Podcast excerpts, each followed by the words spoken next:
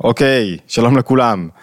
בואו נדבר על האיום הגדול ביותר, לפעמים הלא מודע, שלא שמים לב אליו, על מערכת היחסים, על הזוגיות. מהו האיום הגדול ביותר על הזוגיות, שלפעמים לובש תצורות שונות, ובא לידי ביטוי באופנים שונים, ואנחנו לא מרגישים שיש כאן איום, אבל כשהאיום הזה מתרחק, אנחנו מסתכלים ואומרים, וואו, היה פה איום כל כך גדול ומסוכן על המערכת היחסים הזוגית, על האהבה, על הקשר, על ההבנה ההדדית, על האחדות, על החיבור המשותף שלנו יחד. צבעתי לקראת פסח את הסלון, וצבענו את הסלון וסידרתי כל מיני אה, התקלפויות שהיו בקיר, דברים כאלה ואחרים, ואחרי שהכל היה צבוע וכיבסנו את הווילונות, והכל עמד, הבת שלי הסתכלה על הקיר ואמרה, וואו. יש דברים ש, שהם לא הפריעו לך קודם לכן, לא הפריע לי שהקיר לא היה צבוע, אבל עד שלא ראו, עכשיו לא רואים עד כמה ההבדל משמעותי, עד כמה לא ונקיר, ועד כמה כשהדברים נקיים, עד כמה זה עושה תחושה נעימה ואסתטית, רק אז אתה מבין את הערך של הדברים.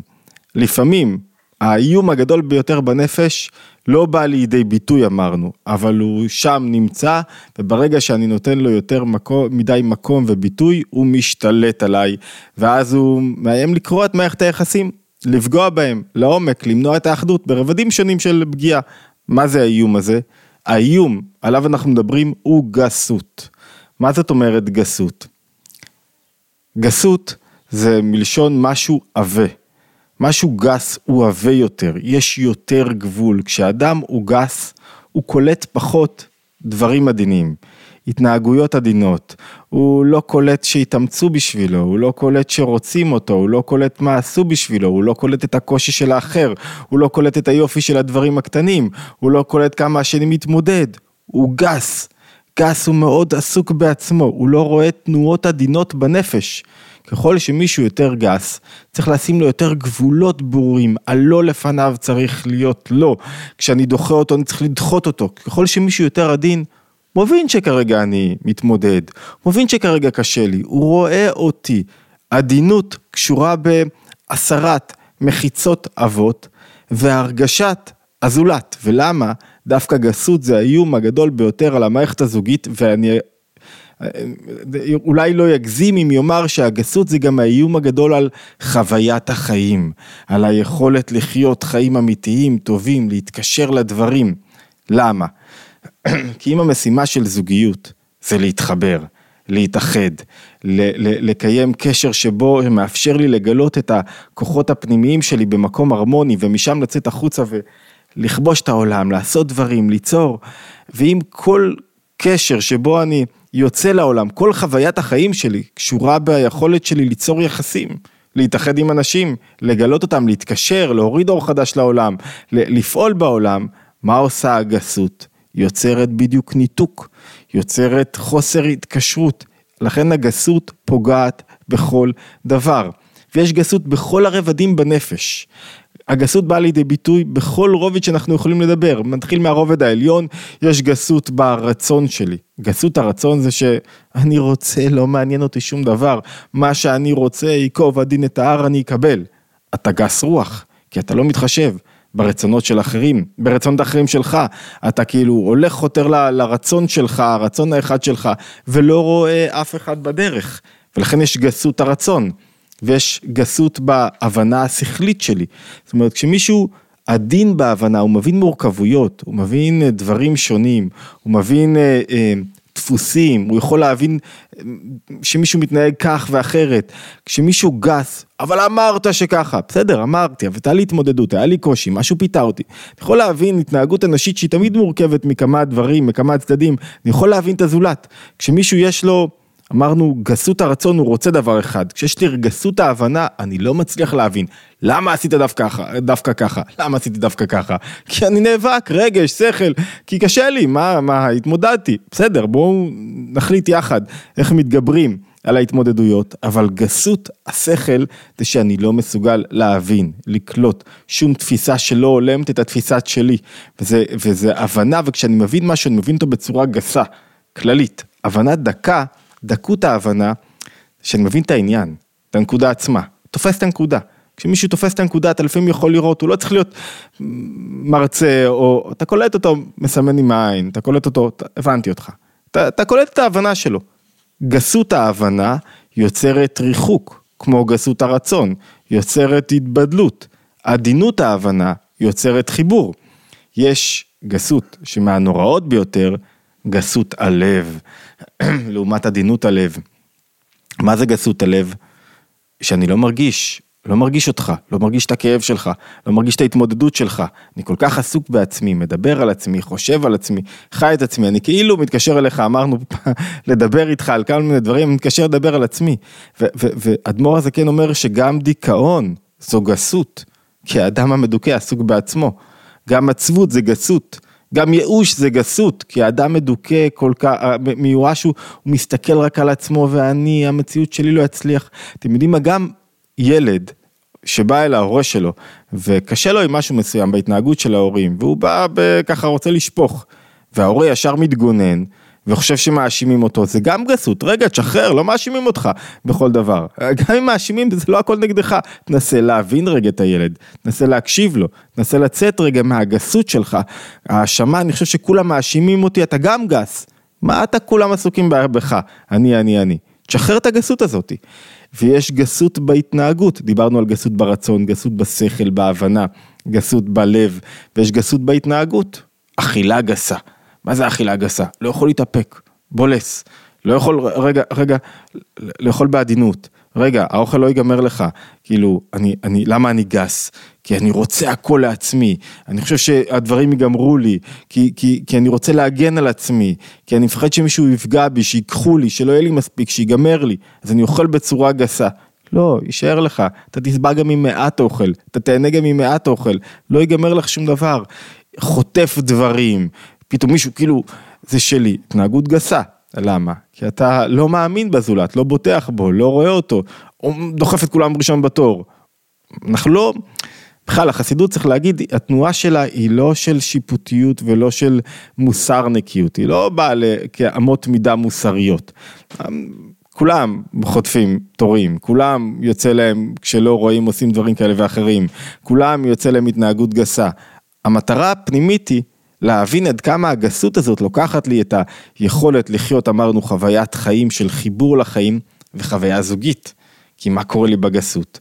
אני לא רואה את בן הזוג שלי, אני לא חש אותו, אני לא מבין אותו, אני לא מבין אותו בשכל, אני לא מבין את הרצונות שלו, יש רק את הרצונות שלי ואני חייב, יש לנו מלחמת רצונות אינסופית, אני לא מבין אותו בבחינה השכלית, אני לא מבין אותו רגשית, אני לא מבין מה הוא עובר, ובהתנהגות זה גם ניכר, אני רוצה עכשיו, מגיע לי.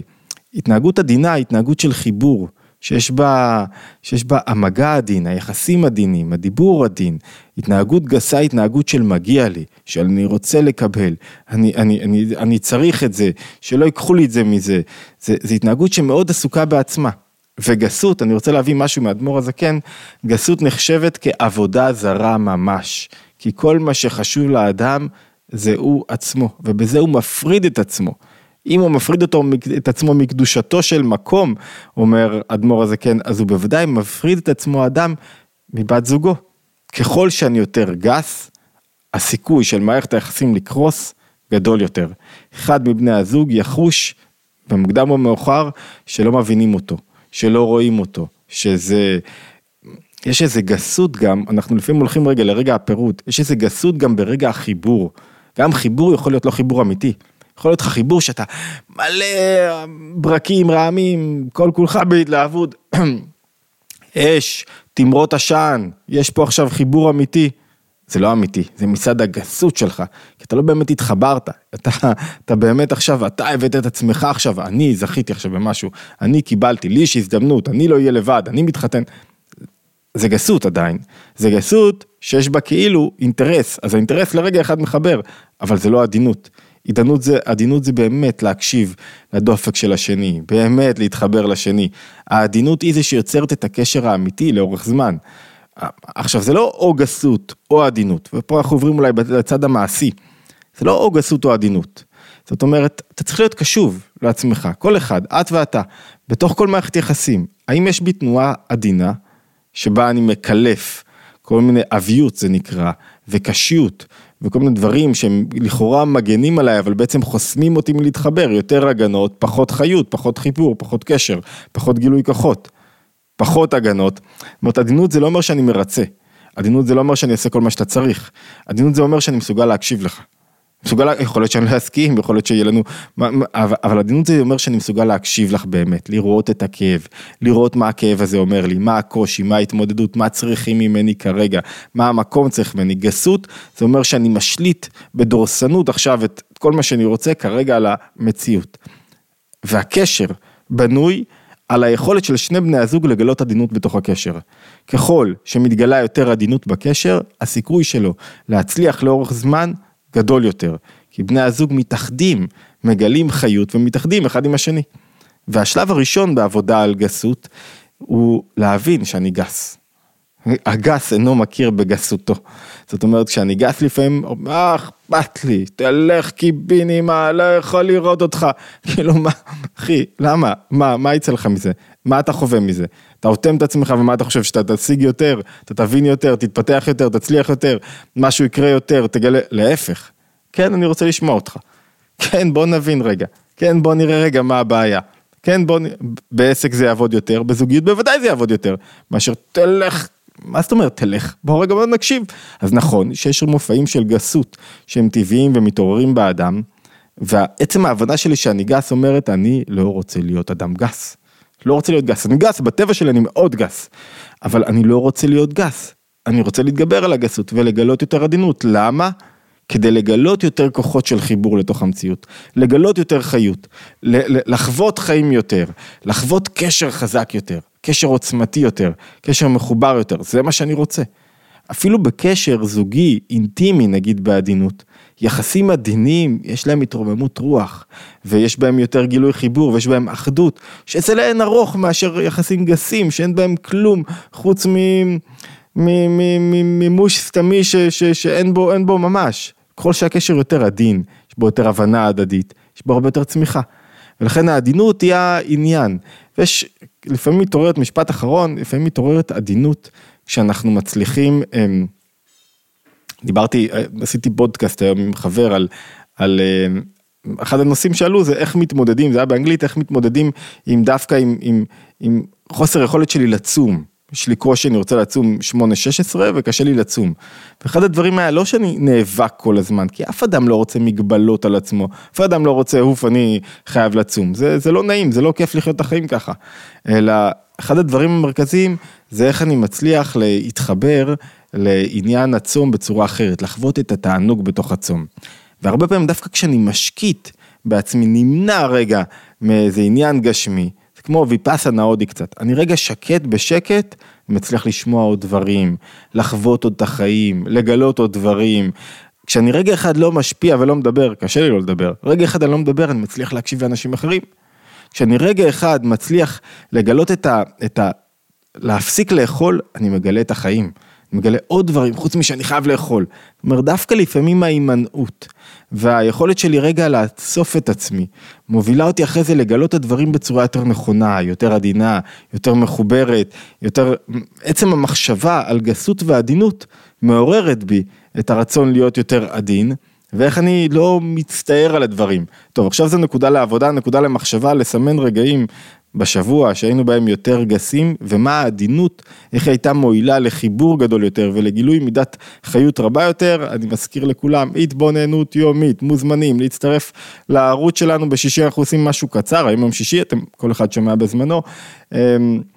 אמ, מוזמנים להצטרף לערוץ, כמובן להצטרף לקבוצות הוואטסאפ, להצטרף ל subscribe, קבוצות הוואטסאפ, לקבל עדכונים אה, באתר לגבי קורסים וכולי, בקרוב עולה קורס על אה, להאמין בעצמך, אה, על, על ביטחון, לחזק את הביטחון והערכה העצמית, קורס זום, איתי, שבעה מפגשים, וכל העדכונים בקבוצות הוואטסאפ להשתמע בהתבוננות היומית הבאה.